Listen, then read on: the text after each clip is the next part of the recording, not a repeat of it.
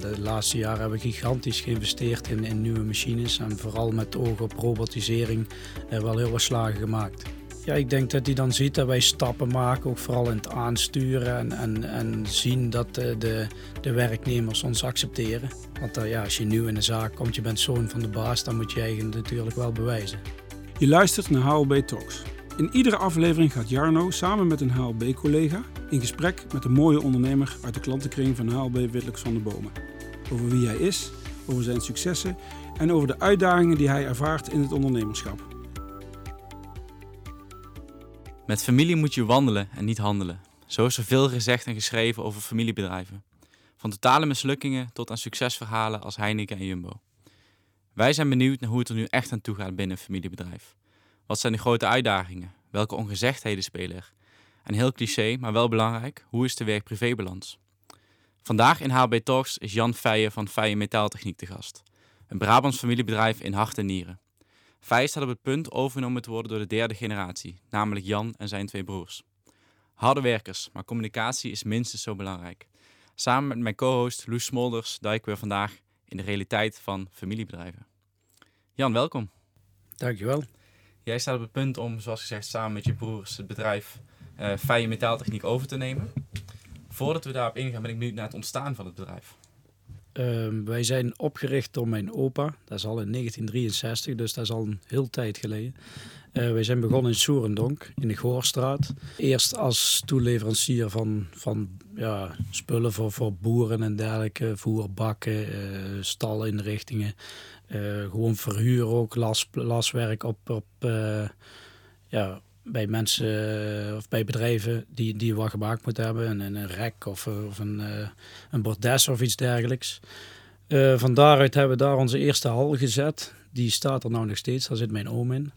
Uh, wij zijn sinds 96 naar Marezen gegaan. Daar zijn we eerst in een hal van 40 bij 40 meter begonnen. Daarna uh, meerdere keren uitgebreid, waardoor we nu een hal hebben staan van ja, ongeveer 9000 vierkante meter.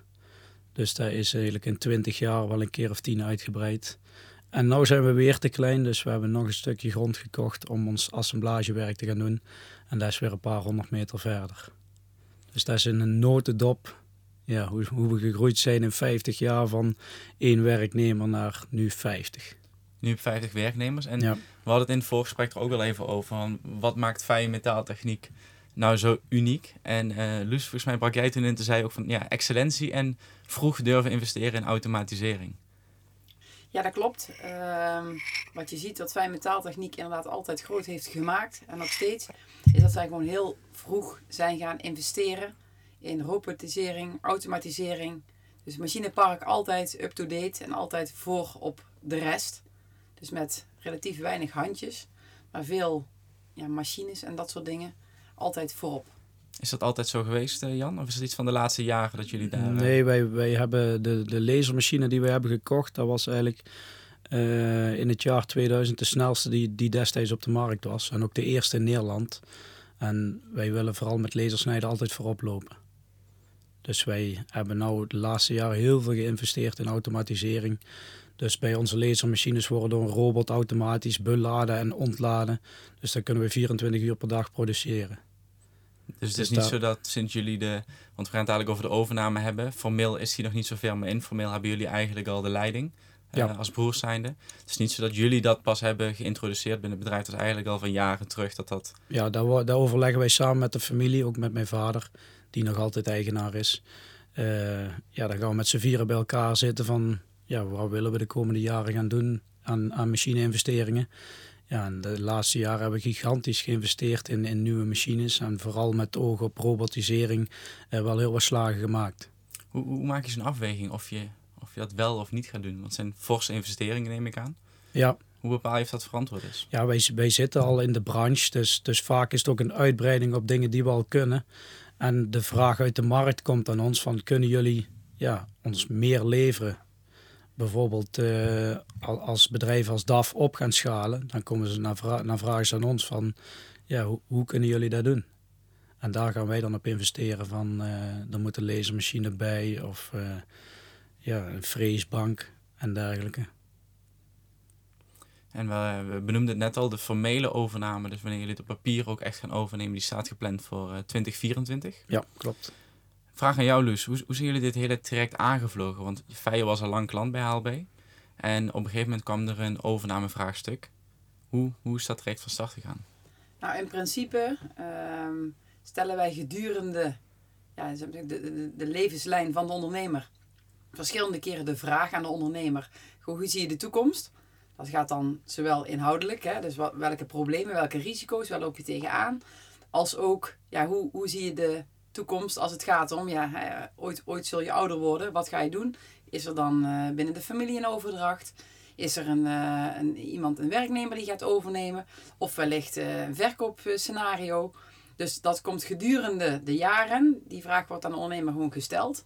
En ja, afhankelijk van die vraag en het antwoord daarop ga je verder met die ondernemer in gesprek. Oftewel iets nodig of niet iets nodig is. En op een gegeven moment heeft John dus pa aangegeven, uh, ja, ik wil het gaan overdragen aan de jongens te zijner tijd. Omdat de jongens ook steeds meer in het bedrijf uh, kwamen. Nou, dan gaan die gesprekken op die manier, uh, ja, die krijgen zijn vorm. Dat begint heel bazaal. Gaat het gebeuren eerst met de vader, moeder, later met de jongens. Nou, en dan traject van jaren. En Jan, hebben jullie altijd de ambitie gehad om het bedrijf over te nemen? Of is het eigenlijk iets wat later is gekomen? Ja, ik persoonlijk wel. Mijn broers zijn wat jonger, dus die zijn er wel later in gerold. Maar uiteindelijk ja, willen we toch met z'n drie over gaan nemen. Mijn, mijn middelste broer die heeft nog een tijdje voor zijn eigen uh, het watersnijgedeelte van ons gedaan. Maar dat is nu weer in het bedrijf geïntegreerd, dus die, uh, die zit er weer bij ons bij. Maar we hebben heel veel gesprekken gehad over ja, wat iedereen ambieert. Wat mijn taak wordt, wat Frank's taak wordt, wat Rick's taak wordt. Ja, dat is heel belangrijk dat er een extern iemand meekijkt. Want anders, ja, wij zijn geen praters en ja, dan, dan gaat het helemaal fout. Hebben, hebben die gesprekken überhaupt plaatsgevonden voordat er een extern iemand bij betrokken was? Of was het echt... Nee, daar hebben we echt een extern iemand voor nodig gehad. Want ik zeg al, anders worden die niet gevoerd. En ja, dan krijg je dingen die niet meer op te lossen zijn op de deur, denk ik. Hoe was dat voor jou, Luus, om met de drie broers en eventueel uh, vader om tafel te gaan? Uh, heel leuk traject. Uh, want wij, wij, wij zijn natuurlijk allemaal hè, vanuit de techniek in principe een, gesprek, een gesprekspartner aan tafel in eerste aanleg. Maar onze grootste klantengroep is wel een, het familiebedrijf. En dat kun je niet loskoppelen, en zeker niet in bedrijfsopvolging, met ehm, ja, alles wat erbij komt kijken. Dus bij de ene familie gaan sommige dingen vanzelf, bij de andere familie niet. Maar um, ja, een aantal onderwerpen die ja, komen bij de familie zelf dan vaak ook niet op tafel. En er is toch vaak iemand nodig die dan net het juiste voorzet geeft om dingen wel bespreekbaar te maken. Dus ja, voor mij heel erg leuk om dat te zien. Zeker omdat dat traject dan jarenlang te volgen. En dan toch telkens tot de conclusie te komen, we zijn er nog niet, maar we hebben weer stappen gezet. Is het lastig om die, uh, en, en dan met name de wat, de wat moeilijke onderwerpen, om die op tafel te gooien als extern? Ja, als externe? Um, de vertrouwensrelatie die je opbouwt als uh, adviseur is daarin wel heel erg belangrijk. Je kunt niet uh, aan tafel komen en direct de vraag stellen. Er is een, ja, een, wat langer traject aan voorafgaand nodig om daadwerkelijk de vraag te stellen en ook de juiste, ja, die, de juiste input terug te krijgen. En jullie hadden dus enerzijds de, uh, het plan dat de drie broers het bedrijf gaan overnemen van, van vader. Tegelijkertijd vond er ook een herstructurering plaats binnen het bedrijf. Kun je dat eens toelichten, Lus? Uh, Jazeker. Uh, het bedrijf groeide dus, hè, daar hebben we het net al over gehad. Groeide dus door de automatisering, robotisering. En dan niet zozeer uh, altijd qua aantal mensen, maar wel ook in omzet. en uiteindelijk ook weer in mensen. Uiteindelijk heeft Jan net ook aangegeven, zeggen een nieuwe tak starten, assemblage. Dus dat betekent dat op een gegeven moment een heel klein onderneming, hè, een kleine onderneming, steeds groter wordt. En dat je dan gaat kijken van ja, moet je niet op basis van risico benadering, maar ook in het kader van alvast voorsorteren op de bedrijfsopvolging, kijken of de structuur optimaal is. En daar hebben we dus wat, uh, wat slagen in gemaakt en wat stappen in gezet om de structuur ja, iets te veranderen. Want uh, uit het voor, voorgesprek begreep ik ook, Jan, dat het bedrijf groeide zowel in, in activiteiten, dus wat jullie allemaal kunnen doen voor een klant, maar ook in mensen. Dus het aantal mensen dat, uh, dat bij Feijen werkt. Kun je aangeven waarom, waarom het voor jullie prettig is om, om zaken op een gegeven moment te gaan opknippen in plaats van alles maar op één grote hoop te gooien, onder één noemer? Ja, het is ook het aantal mensen wij zouden ook eh, een nieuwe CAO moeten. Wij vallen dan onder een nieuwe CAO van grootmetaal. Ja, dat is iets wat wij eigenlijk absoluut niet willen. Wij zijn een familiebedrijf en als wij dan een ondernemingsraad en dergelijke die met ons mee moeten gaan praten, ja, dat, dat is voor de familie Feijen echt geen doen. Wij willen echt alle touwtjes in handen hebben en ehm, ja, daarbij kwam nog dat wij nou een heel groot assemblagedeel hebben die we al makkelijk af konden splitsen. En ja, wat ook beter is om af te splitsen als bijvoorbeeld een klant daar zou uh, vertrekken. Dus, dus de ambitie was duidelijk om, om onder klein metaal te blijven vallen. Dus jullie wilden niet naar het groot metaal. Um, Loes, daar was een en ander voor nodig om, dat, om daarvoor te zorgen, toch? Ja, de opmerking kwam vanuit, uh, vanuit. We willen, we willen niet naar uh, groot metaal, we willen klein metaal blijven. Er was uh, vanuit de Metaalunie iemand gekomen die gezegd had dat ja, dat, dat eigenlijk geen weg terug was. Of er moest iets gebeuren. Um, nou, dan, dan, dan, komen wij aan tafel. Um, we hebben eerst de vraag gesteld: Weet je dat wel zeker? Weet, je wel zeker dat je in groot metaal, uh, dat je niet naar groot metaal wil? Want ja, we, kunnen de structuur aanpassen, we kunnen allerlei uh, acties ondernemen. Ja, dat kost geld en tijd en meer energie vanuit, uh, vanuit Vijen. Maar ja, het, het, het moest echt. Dus toen ja, wij wilden echt niet naar groot metaal. Wij wouden in klein metaal blijven, vooral voor de pensioenen van de werknemers. Wij hebben mensen die hebben nogal veel vragen als er iets verandert op het loonstrookje. En als we dan 50 keer hetzelfde verhaal moeten gaan vertellen. Plus dat we een ondernemingsraad krijgen. Dat is voor ons uh, geen doen. Dus wouden we bij klein metaal blijven. Ja, dus, dus, wij aan de slag. Ja, en, uh, drie BV's maken peloton eh, mensen. Ja, iedereen over de vloer. Over de vloer. Het is advocaat, notaris, uh, fiscalist, accountant. Wij met z'n allen aan de slag om te kijken, ja, hoe moet je dan de structuur gaan aanpassen? Hoe moet je het uh, vormgeven? En dan, um, ja. En mijn vader, John, die had... die wist eigenlijk van niks, maar die, die, die is wel de baas officieel. Dus die moet alle papieren tekenen. Dus daar kun je al zien dat hij alles uit handen heeft gegeven aan ons. Dus uh, wij zeggen gewoon hier, we hebben papierwerk, die moet je tekenen. En uh, dan wordt het geregeld dat de bedrijven gesplitst worden. Was, was het overweldigend dat er een peloton mensen van het HLB Witlocks uh, over de vloer kwam om alles maar door te nemen en te regelen? Nee, daar zijn we eigenlijk wel gewend. We hebben al een paar jaar controleplicht. Dan komen ze ook een week lang met vier of vijf personen ons helemaal ondervragen. Dus we zijn wel gewend dat er een paar man van Witlocks bij ons komen. En, en is er dan één aanspreekpunt, bijvoorbeeld Loes, of, of schakel je gewoon met iedereen individueel? Het ligt een beetje aan welke afdeling we nodig hebben. Voor, voor de, voor de per persoonlijke vragen zitten we bij, uh, bij Loes en Robert. En uh, ja, controleplicht bij Sander, Boons en uh, Jan Verlijsdonk. Hoe is dat voor jou, Loes? Hoe, hoe bewaar je het overzicht tussen al die disciplines die met één case te maken hebben? Wij werken eigenlijk met een soort van uh, iemand die het project dan uh, onder handen heeft. En die uh, zorgt eigenlijk continu dat intern geschakeld wordt. En ook uiteindelijk natuurlijk met de familie Feijen. Of wie dan belang is. Ja. Maar hier dan het voorbeeld van familie Feijen zegt dan regel het maar. En, ja, wij zien wel graag dezelfde persoon altijd. Dus als wij onze cijfers aan iemand laten zien, niet dat daar Jan en alle man komt bekijken en elk jaar een ander man komt wij moeten altijd dezelfde persoon hebben. Dat geeft ons vertrouwen dat het, dat het goed komt. En, en had je dat gevoel dat, het vaak, dat er vaak verschillende mensen over de vloer kwamen over hetzelfde onderwerp? Of was dat juist niet? Nee, dat is juist niet. Wat Loes zegt, ze, hebben gewoon uh, iemand die voor het project verantwoordelijk is. En normaal gesproken blijft dat dezelfde. Ja. Net als Loes, die komt ook al uh, hoeveel jaar bij ons? Heel lang. Ik denk al 15 jaar. Hè? Ja, denk ik ook. Toen ik begon, denk ik. ja, precies zoiets, ja. ja. En, en de, de touwtjes in handen blijven hebben, is het denk je mogelijk ook als je zeg maar, net zo fors doorgroeit als dat jullie de afgelopen jaren en tijd hebben gedaan. Denk je dat het mogelijk is om als, als in, in jullie geval nu de drie broers, om de touwtjes in handen te blijven hebben? Want op een gegeven moment, als je blijft groeien, dan word je groter dan je misschien zelf al voor ogen had. En dan moet je misschien wel externe mensen erbij betrekken. Dat zou kunnen, ja, dat, dat we dat moeten doen. Maar dan zetten wij er voormannen neer. Dat, dat is eigenlijk nu al aan de gang dat we bij iedere afdeling één voorman hebben die het vertrouwen van ons krijgt om het allemaal goed te regelen. En uh, ja, zo, zo lossen we het al deels op. Maar het blijft niet, wij controleren eigenlijk alles. En uh, terug naar de gesprekken aan de, aan de keukentafel. Jan vertelde het zelf al, we zijn echt harde werkers, maar absoluut geen praters. Um, wat, wat was nou lastig, Luus, om, om bespreekbaar te maken? Waar, ja, waar liepen jullie tegenaan in die gesprekken met de overname? Ehm, het is natuurlijk altijd heel moeilijk om van de zijlijn precies te weten waar eh, op dat moment hè, de familie behoefte aan heeft. Dus om die gesprekken op gang te krijgen, vooral voor de familie die niet een, een pratende familie is, eh, is dat wel ooit lastig om de juiste punten te raken. Plus wat ook eh, is, ehm, de risico's die wij uit onze ervaring bij andere familiebedrijven kennen, is bij, ja, bij bijvoorbeeld een familie Feijen bijvoorbeeld nieuw. Ehm, dus als je dan bepaalde risico's wil bespreken, kan het soms ook zijn, zeg ja, moet ik, moet ik daar nog allemaal rekening mee gaan houden?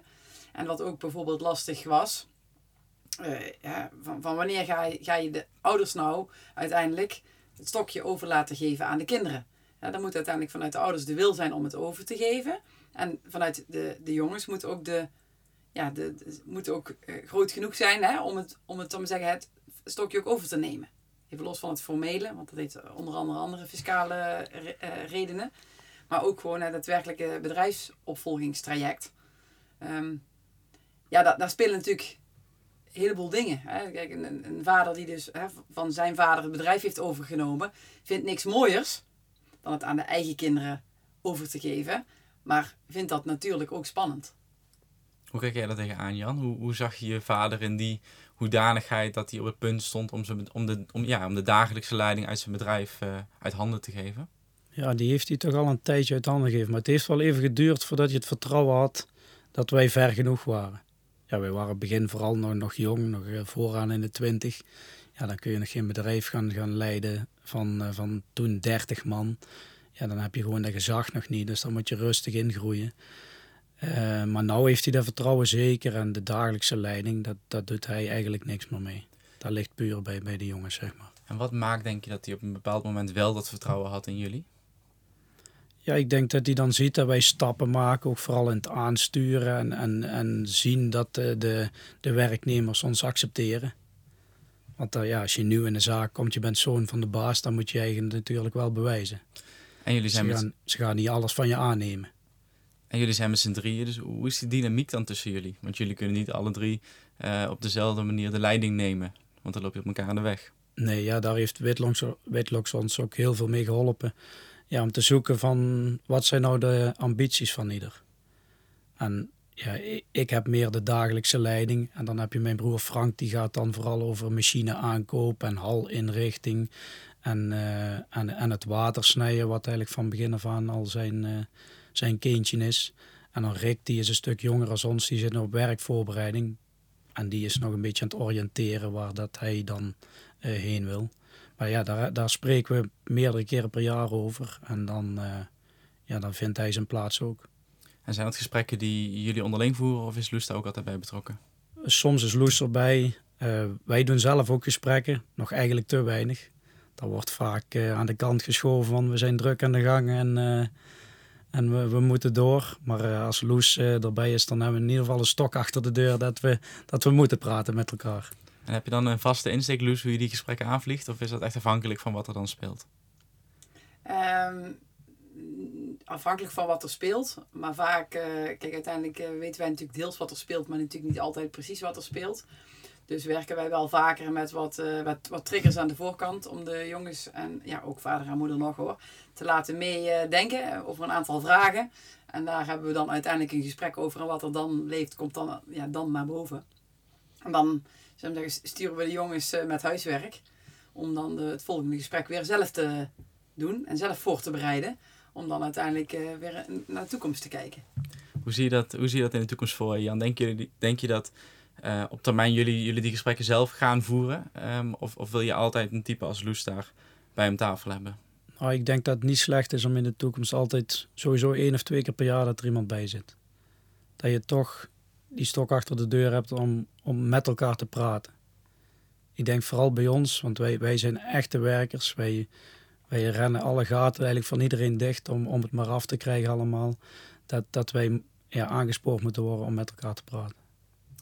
En als je gaat kijken naar, uh, naar het feit dat jullie met z'n drieën zijn en de impact daarvan die, die het heeft op jullie privésituatie. Kun, kun je daar zo over vertellen van, ja, je gaat een bedrijf overnemen, een bedrijf van inmiddels 50 man personeel. Dat is niet niks. Dus, dus hoe ga je daar privé gezien mee om? Ook met het feit dat jullie dus drie broers van elkaar zijn. Ja, dat klopt. Het is, het is privé. Ja, het zit helemaal in elkaar verweven eigenlijk. Als wij een verjaardag hebben van, van mij bijvoorbeeld, ja, iedereen die komt op bezoek en ja, het gaat over het werk. Altijd? nee, nee, niet altijd. Het gaat ook over de koetjes en kalfjes natuurlijk, maar uh, ja, je ontkomt er niet aan om dingen die gebeurd zijn, die, uh, die worden dan nog besproken. Vind je dat soms Deels. lastig? Of, of, of, vind je het ook oké? Okay, ja, ik ben ermee opgegroeid. Ik weet eigenlijk niet beter. Ja. Dus uh, het is niet anders. Jullie hebben die, uh, jullie hebben die herstructurering uh, doorgevoerd, of daar zitten jullie nog in dat proces. Ja. Um, daardoor krijg je relatief kleine vennootschappen. Wat, zijn, als je gaat kijken naar de toekomst, wat zijn namens jullie drie de, de groeiambities? Willen jullie die verschillende takken wel door laten groeien? Of hebben jullie zoiets van, nou, de, de, de groei en de grootte waar we nu in zitten, vind ik eigenlijk wel prettig, ook voor de, voor de toekomst? Ja, ik, ik vind waar we nu in zitten wel prettig, deze grootte. Alleen, ja, we hebben hem eigenlijk niet in de hand. Wij groeien eigenlijk met onze klanten mee. Wij hebben helemaal geen personeel waar op klanten uit is. Wij, wij worden overal aanbevolen en daardoor groeien wij steeds. En de laatste jaren is echt de groei ongekend geweest. Ook door de hoge materiaalprijzen die er nou zijn. Maar uh, ja, ik zeg al, wij, wij steken daar helemaal geen kosten in om te groeien. Maar je verkoopt ook geen nee aan nieuwe Nee, we verkopen niet gauw nee, nee. Dat klopt. En hoe, hoe kun je dat bijbenen dan? Dus die constant toenemende vraag? ja, weer investeren, weer extra mensen en uh, weer nieuwere machines die meer zelf kunnen doen. Hè. Meer robotisering. En als we dan flink groeien, dan rennen wij het weer dicht. En zelf heel veel uh, gaten Zelf heel veel gaten dichtlopen, ja. Dat, dat, dat is ook het probleem, ja, wat je ook dan met privé krijgt. Van, ja, je bent s'avonds regelmatig weg en uh, ja, je moet ook tijd maken voor vrouwen en kinderen natuurlijk. Ja. En, en vind je dat lastig, dat stuk? Ja, dat vind, dat vind ik zeker lastig. Want ik ben nou ook aan het kijken om ja, het personeel dat ze storingsdiensten gaan draaien en dergelijke. Omdat zoals het nu gaat, uh, ja, steken we gewoon te veel tijd in. En, en dat zou niet nodig moeten zijn. Nee, dus je bent wel, jullie zijn wel bezig om ja, dat soort storingsdiensten, bijvoorbeeld die 24-7 eigenlijk beschikbaarheid, ja. die ook bij andere mensen neer te leggen, zodat je zelf ook gewoon kunt genieten van je, van je privé tijd. Ja, ja, dat klopt. Nou, nou valt het puur op ons en ja, wij gaan iedere avond, ik of mijn broers of mijn vader op en neer. Ja, daar moeten we vanaf. Hoe zie in, dat, in ieder geval niet dat er vijf dagen in de week is. Hoe zie jij dat, Luus, vanaf de buitenkant? De, dit is een van de standaard onderwerpen op ons jaarlijks terugkerend uh, overleg. Om het zo maar te zeggen. Um, omdat... Um, ja, wij zeggen altijd zo het mooie van een familiebedrijf is natuurlijk dit. Hè? Dus dat je, het, dat je het ook echt samen kunt doen. Maar een, een groot risico van een familiebedrijf is ook als het dan ergens een keer misgaat, dat het dan op, hè, op zakelijk niveau misgaat, maar privé dus hè, nog, misschien nog wel harder misgaat. Um, dus dit is een van de onderwerpen, dus daar waar wij hè, de jongens en vader en moeder dwingen om na te denken over hoe de toekomst eruit ziet. Um, qua overdracht, maar ook gewoon waar gaat het bedrijf naartoe. Hè? Want anders wordt er maar gewerkt en gewerkt. Er wordt niet nagedacht over ja, hoe, hoe groot wil je groeien, hoeveel wil je, wil je investeren. Hebben wij ook zeker dan aandacht voor, ja, voor dit stukje. Dat je, ja, dat je ook gewoon ziet wat er aan de buitenkant, vanuit de buitenkant zeg maar, bekijkt. Wat er in dat familiebedrijf gebeurt met alle risico's van dien. Je zegt van ja, let ook op je, op je, op je gezinssituatie. Dus ja, een beetje... Ja, want, want, dat is natuurlijk interessant. Jullie, jullie begeleiden heel veel familiebedrijven, maar jullie begeleiden ook niet-familiebedrijven. Wat zijn nou echt in dat, in dat stukje menselijke begeleiding heb ik dan over. Wat zijn nou echt zaken die je bij familiebedrijven heel erg aan bod laat komen, dat ze nou eenmaal belangrijk zijn en besproken moeten worden ten opzichte van een normaal bedrijf? belangrijkste is, wat, denk ik, wat ik net, uh, wat ik net aangaf, is dat uh, je hebt dan eigenlijk twee, twee dingen. Enerzijds is um, omdat vaak de kinderen vanuit een werksituatie iets gaan overnemen, hè, gaan kijken van heeft, heeft iemand interesse in het bedrijf, komt dat vaak omdat hij opgroeit met een dergelijk bedrijf. De vraag is of dat dan een echte ondernemer is. Dus je zult de kinderen altijd moeten helpen in het worden van een ondernemer. In het nadenken over hoe de toekomst eruit ziet, dat soort dingen. Ja, en gewoon het, het, het stukje familie, dat is dan helemaal niet inhoudelijk vanuit mij, bijvoorbeeld vanuit fiscaliteit. Is dat je vanuit de kennis en ervaring van familiebedrijven weet dat het mooie van het familiebedrijf is dat je het samen doet.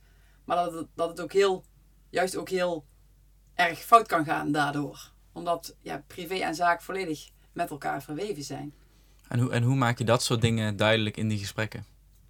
Dat, dat, dat de risico's echt op de loer liggen en hoe we die dan op voorhand kunnen tackelen? vaker met uh, grapjes en voorbeelden. Ehm, en die lijken dan soms uh, ver van, van het bed. Maar ook uh, zeggen, bij de familie Feijen was het ver, waren de ver van hun bed grapjes. Helaas ook deels werkelijkheid. Um, ja, dan, ja, daar, hoop je te voorkomen, maar heb je niet altijd in de hand. Maar door daar met elkaar over te praten, kun je in ieder geval wel de, de scenario's met elkaar op voorhand in ieder geval schetsen. Van wat, wat als er iets gebeurt, als een van de jongens niet wil overnemen. Of als er iets in privé speelt, wat doe je dan? Hoe geef je elkaar de ruimte? Um, zoals vader en moeder moeten loslaten. Wanneer zeggen de kinderen het is genoeg? Of hè, juist niet. Kijken of pa een goede rol uh, kan krijgen en, uh, en ma. Maar ook andersom. Hoe kun je pa en ma stimuleren om de jongens te helpen te coachen? Om het uh, bedrijf juist groter te maken. Ja, al die onderwerpen komen samen. Dat is echt familiebedrijf. En Jan, dan kan ik me voorstellen dat als die, die grapjes dan helaas realiteit worden, dat het wel fijn is dat die zijn besproken. Ja, dat is, dat is zeker ja. Maar ja, dan moet je ook weer in gesprek met elkaar. En dan is het ook maar goed dat er iemand is die dat gesprek dan komt leiden. Zeker, zeker als er gevoelige onderwerpen zijn. Die, die, ja, die komen aan bod bij ieder familiebedrijf, denk ik. Is dat de grootste uitdaging in het runnen van een familiebedrijf? Dat denk ik wel, ja. Als het allemaal koek en ei is met iedereen, dan is het allemaal prima. Maar zijn er onderlinge geschillen of de, de koude kant gaat meepraten en die vinden er ook wat van, ja, dan, dan word je aan meerdere kanten onder druk gezet om, om er iets mee te doen. We begonnen de aflevering met, met, met de quote en het gezegde: met familie moet je wandelen, maar niet handelen. Hoe, hoe kijk jij daar tegenaan, Jan? Ja, dat, dat, dat, klopt denk ik ook wel. Maar ja, wij handelen eigenlijk wel met de familie. maar uh, ik denk als jij met je familie gewoon blijft praten en ja, niks opkropt, zoals wij nou eigenlijk de laatste jaren al doen, dan kun je heel goed met je familie een, een prachtig bedrijf runnen. Sluit hem daarmee af. Dankjewel voor je komst, Jan. Luus, dankjewel. Bedankt. Bedankt voor het luisteren naar HLB Talks. Wil je meer weten over onze dienstverlening? Kijk dan op onze website hlb-wvdb.nl.